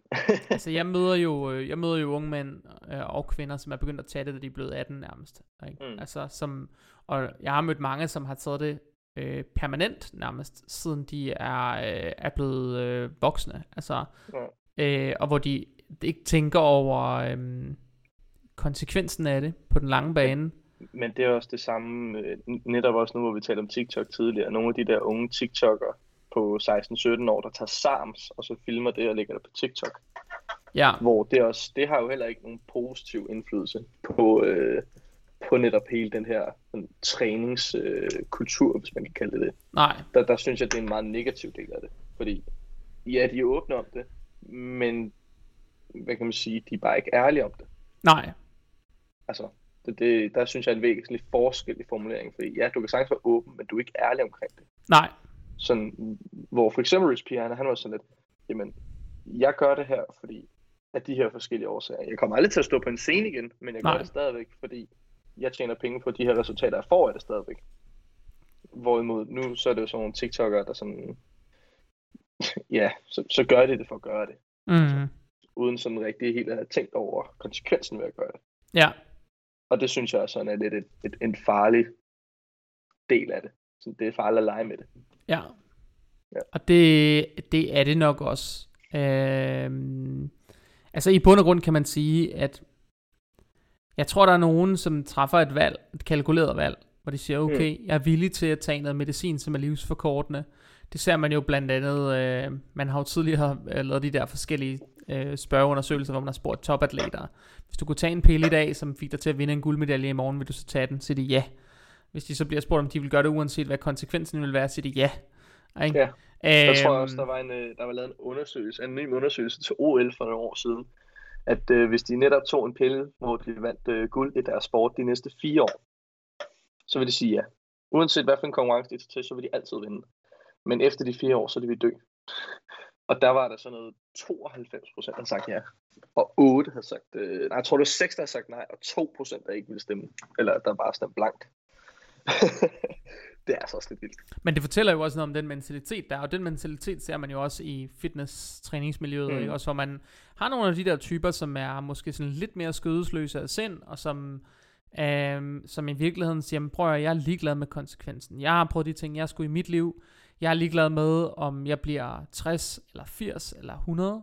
Det er ikke vigtigt for mig, det er vigtigt for mig at opnå lige præcis det her. Øhm, Mm. Og det må man jo også tage hatten af for, og noget af det, man jo også skal huske i det, det er jo også, at der findes masser af gode eksempler på mennesker, som lever et langt liv, selv efter et, øh, et, øh, et stort testosteronforbrug. Ikke også? Øh, Så er der masser af mennesker, der lever et, et forholdsvis langt liv, faktisk. Ikke? Øhm, Ja. Og det, øh, derfor kan man jo heller ikke sige sådan entydigt, at bare fordi du tager, altså bruger præstationsfremmende hjælpemidler, at så, vil det, så vil det være livsforkortende. Øh, fordi man ser, at de bliver lige så gamle som dem, der er i generation med dem selv i princippet. Ikke? Men omvendt så ser vi jo også nogen i dag, som falder om, når de er 20 eller 25 år gamle, ikke? som 30, 35, så de dør jo en forholdsvis øh, lav alder i dag. Ikke? Så, mm. så der er også nogle ting, der har ændret sig med årene, og hvad det så er, det kan man så diskutere i lange baner, tror jeg. Det Øh, tror jeg på. Men øh, jeg tror helt sikkert ikke nødvendigvis, at det farligt, men jeg tror på, at det er farligt, når det er noget, som er ukontrolleret, og hvor man ikke har sat sig nok ind i tingene, så tror jeg, at det der far, det tror jeg, det der øh, farniveauet, spej, hvad hedder det, edderkopsansen, den, den, øh, den, den er på overarbejde ret tit, tror jeg. Ja, det tror jeg, det er. Ja, ja, ja det, er jo, det er jo den generation, jeg er fra, det skal du huske. Jeg har lige set Spider, den nye Spider-Man og tænkt, hold da op. Kæft, det er blevet advanced, det der Spider-Man. Der, der var en gang, hvor han bare havde sådan lidt, der kom Ja, ud af ja. fingrene, ikke? Det er slut. Ja, det var Tobey Maguire Spider-Man der. Det er den bedste Spider-Man. Jeg nødt til at sige, at de nye Spider, jeg synes, det er blevet for advanced. Altså, hvad er det for en dragt, han har fået i dag? Altså, Det, den anden, der var Der han er skulle stadig der- våd ned af benet, hvis han havde tisset i den, ikke? Altså, det var Ja, lidt det er mere for real. okay. Jamen, øhm, øh, Christian, vi kunne jo godt snakke sådan lidt om, sådan, hvad du gerne vil med din træning. Fordi nu er vi kommet i Ja. gang. Du er faktisk blevet okay stærk. Vi er ved at sådan, korrigere nogle løft, men vi er også ved at arbejde med noget hypertrofi og bygge lidt Ja. masse på dig. Hvad, hvad, hvad vil du egentlig gerne sådan, hvad vil du gerne opnå med din træning? Nu er du jo, hvad er du, 22? Du bliver 23 så, eller hvad? ja, jeg bliver 23 om ja, et halvt år, altså. Hvorfor skal du så holde familiefødselsdag øh, i dag? Men Det er min roomie, der... Okay, så, så du skal ikke holde Så- den. Nej, nej, men det du ved, halvt. Okay, okay. Skal jeg lige være med til at rydde op og sådan noget. Du skal Men, være med til at rydde op. øh, Ja, Du får en kurs, der står over, overholder jakkerne. ja, ja. Jeg har desværre ikke skulle bage boller i dag. Der, den er blevet uddelegeret til nogle af de andre, så der, jeg, har, jeg har god tid. Det, jeg hygger mig bare i dag. Okay, alright. Så- alright. Men øh, nej, altså... Altså, jeg kan jo godt prøve at stille op. Ja, Det... Øh, altså, nu har jeg jo... Det tror jeg også, vi taler om, faktisk. Mhm. Øh, inden jeg startede. Der er der jo nogle livsmål, hvis man kan kalde det det. Et, er det et livsmål lige frem? Ja, livsmål et eller andet. Jeg ved ikke, hvordan man skal kalde det. Altså, hvor jeg gerne vil opnå øh, en vis styrke i de tre Mhm. store løft.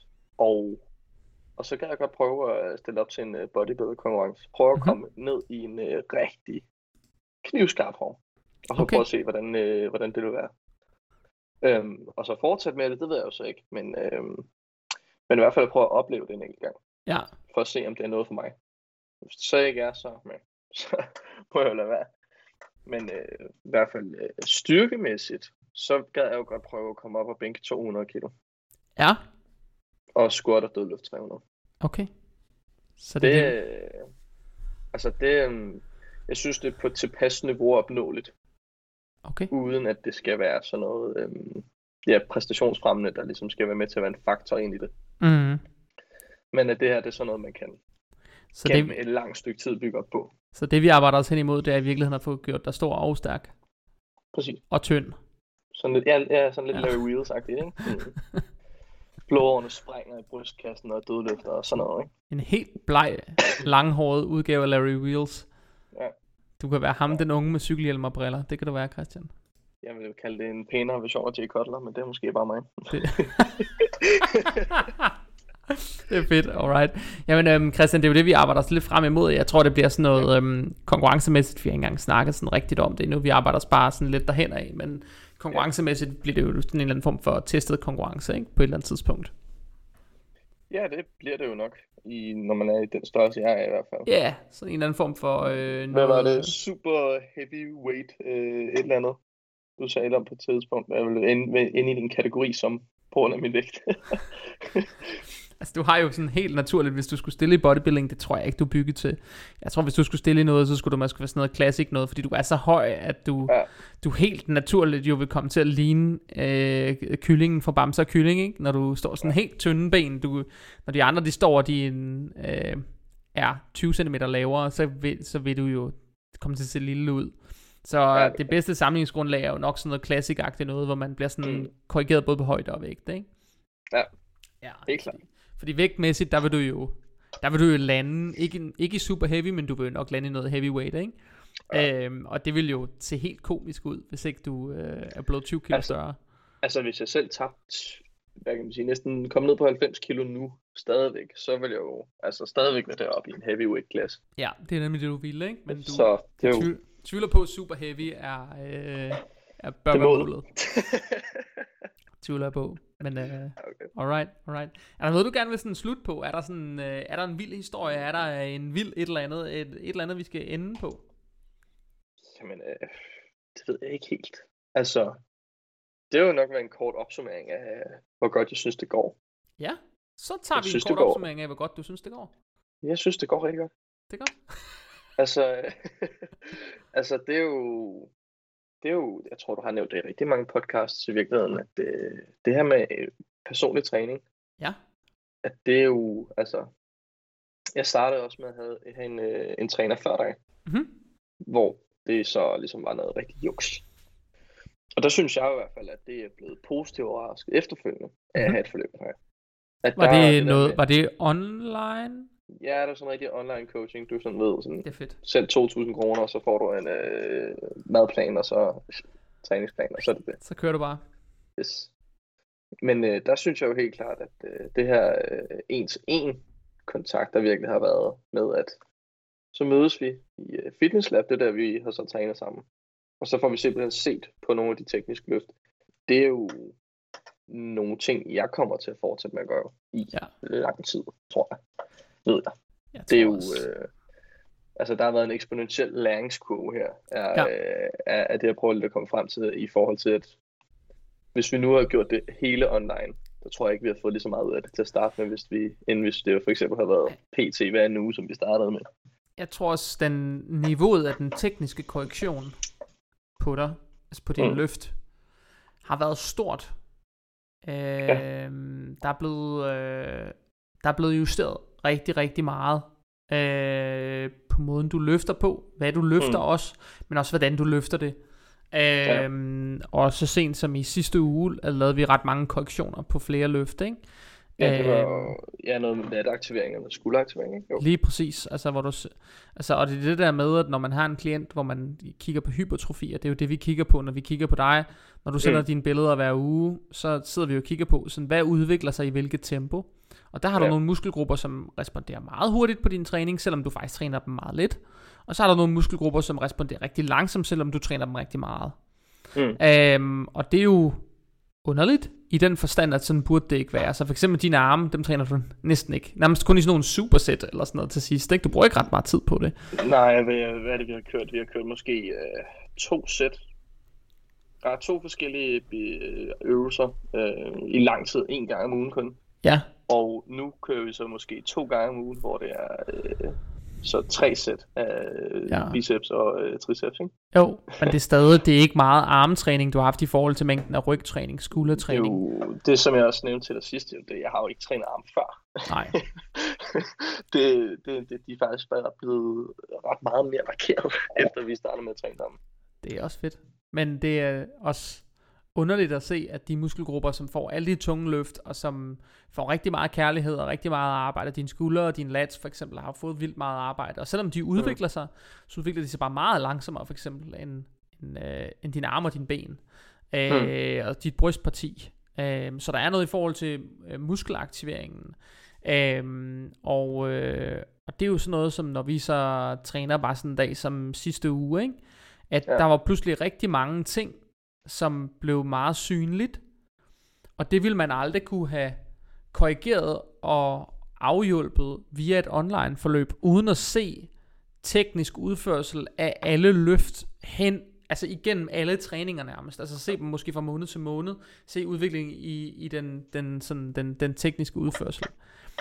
Så hvis man ikke ser det, øh, og det gør man jo typisk ikke i et klassisk online forløb, så bliver det rigtig svært at korrigere for de der ting, som faktisk vil påvirke ens hypertrofi. Ikke? Fuldstændig Det ved det. Der synes jeg, det har været... øh, der har i hvert fald for mit vedkommende det været genialt. Altså, Ja. Fuldstændig. Det har det. Det har virket. Så, og det er jo også det, jeg preacher, ikke? Og gerne vil lidt med, med klienter der. Jeg vil jo gerne have lidt have færre klienter, end jeg har haft øh, for år tilbage, og så have mm. Dem noget, nogle flere timer, fordi det er sjovere, ikke? Og det giver mere. Præcis. Så, øh, så Præcis. det, det er et meget godt eksempel på. Det er det. Okay. Er det det, vi skal slutte på, Christian? Det har du en god vits. Om jeg har en god vits. Øhm... Ah, jeg tror, jeg har givet dig den før. Jeg, øh, sidste træning inden jul hvert år, der plejer jeg at øh, bede mine klienter om at komme med en joke. Bare så jeg har noget i banken, jeg kan bruge til de næste mm. klienter, der kommer og har en dårlig dag. Nå, nå. Ja, jeg tror, jeg givet dig den her før, men der var en, der sagde til mig, den 23. december sidste år, så var der en, der sagde, øh, ved du, hvordan man ved, at man er endt til en homoseksuel grillfest? Det, det ved jeg desværre ikke. Så siger han, det er fordi pølserne smager lort.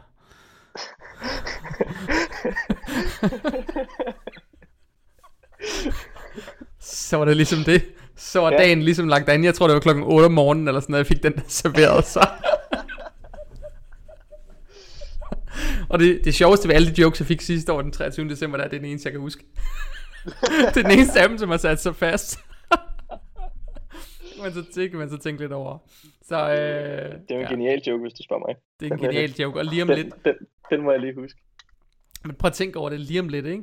Så har jeg hele det der LGBT plus miljø efter mig, fordi jeg har lavet sådan en joke på en podcast, der, der er endt ja. i sådan noget offentlig streaming, hvor alle kan lytte til det, ikke? Ja, det er jo... det er jo knap så heldigt, kan man jo sige. Knap så heldigt, knap så heldigt. Så til alle jer, som bliver sure over lige nøjagtigt den vittighed, husk, det er bare en vittighed. Og husk, at uanset hvor mange hademails I sender mig, så behøver jeg ikke svare på dem. Så lad endelig være at sende dem min vej.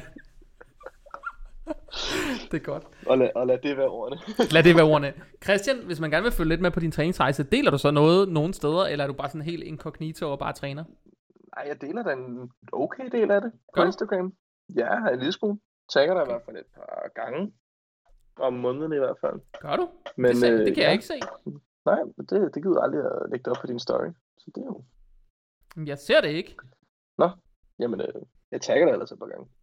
Okay, så går jeg lige Nå. og kigger, men du lægger der ikke noget træningsnoget op, gør du? Nej, jeg har lavet nogle før og efterbilleder og sådan lidt andet. Men Nå. øh, ellers så har jeg også lavet en øh, træning med Jay. En træning med Jay? Side. Træning med Jay, altså træning med dig. Altså en side? Ja, nej, ikke sådan en side, men du ved, øh, man kan lave sådan en story, så kan man lave sådan nogle forskellige øh, sammensætninger af stories, hvor det ligesom er det samme tema. Noget, der er fremhævet? Åh, oh, det har ja. Du faktisk. Åh oh, ja, Ja. okay, godt set, Ja, der er noget der. ja, Ja, ja, ja. Er du vild, mand? Jeg mangler lige at få lagt nogle flere, men, men, øh, men ja. Hold kæft, du var stor og svulmende lige der. Jeg sidder lige og kigger på det. Hold nu kæft. Det var, der var du thick, en thick boy lige der i starten. Er du galt?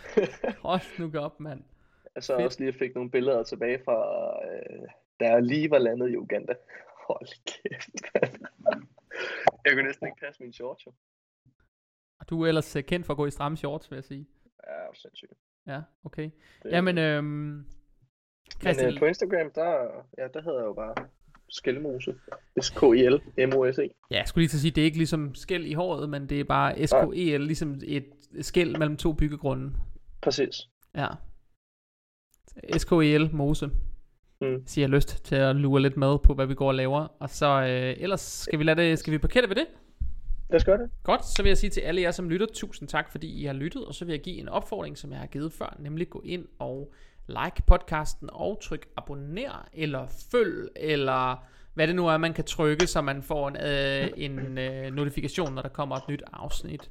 Fordi det hjælper simpelthen øh, algoritmen, eller hvad man skal sige, i de her podcast, øh, øh, hvad hedder det, øh, ja, i de her, øh, sådan, øh, i Spotify og iTunes og de her forskellige andre steder, hvor, hvor du kan bruge, hvor du kan lytte til podcast, det fortæller dem simpelthen, hvad er det for noget indhold, du kan lide, og så sammenstemmer det det med, hvad andre lyttertyper, som ligner din lyttertype, kan lide, altså andre, der for eksempel har søgt på noget med træning, så vil der simpelthen komme flere forhåndsanbefalinger til dem, og det er jo noget af det, vi gerne vil have. Så, øhm, så ja, gå endelig ind og tryk abonner, like episoden eller øh, selve podcasten, læg en positiv review, hvis du er på iTunes, og ellers så øh, lyttes vi ved igen, når der er nye afsnit, og det kommer der igen i næste uge. Så øh, hæng på, og så kommer der noget nyt og lækkert til jer, og så øh, have en rigtig, rigtig god dag. Vi snakkes ved, eller vi lyttes ved. Kan I have det rigtig godt? Hej hej.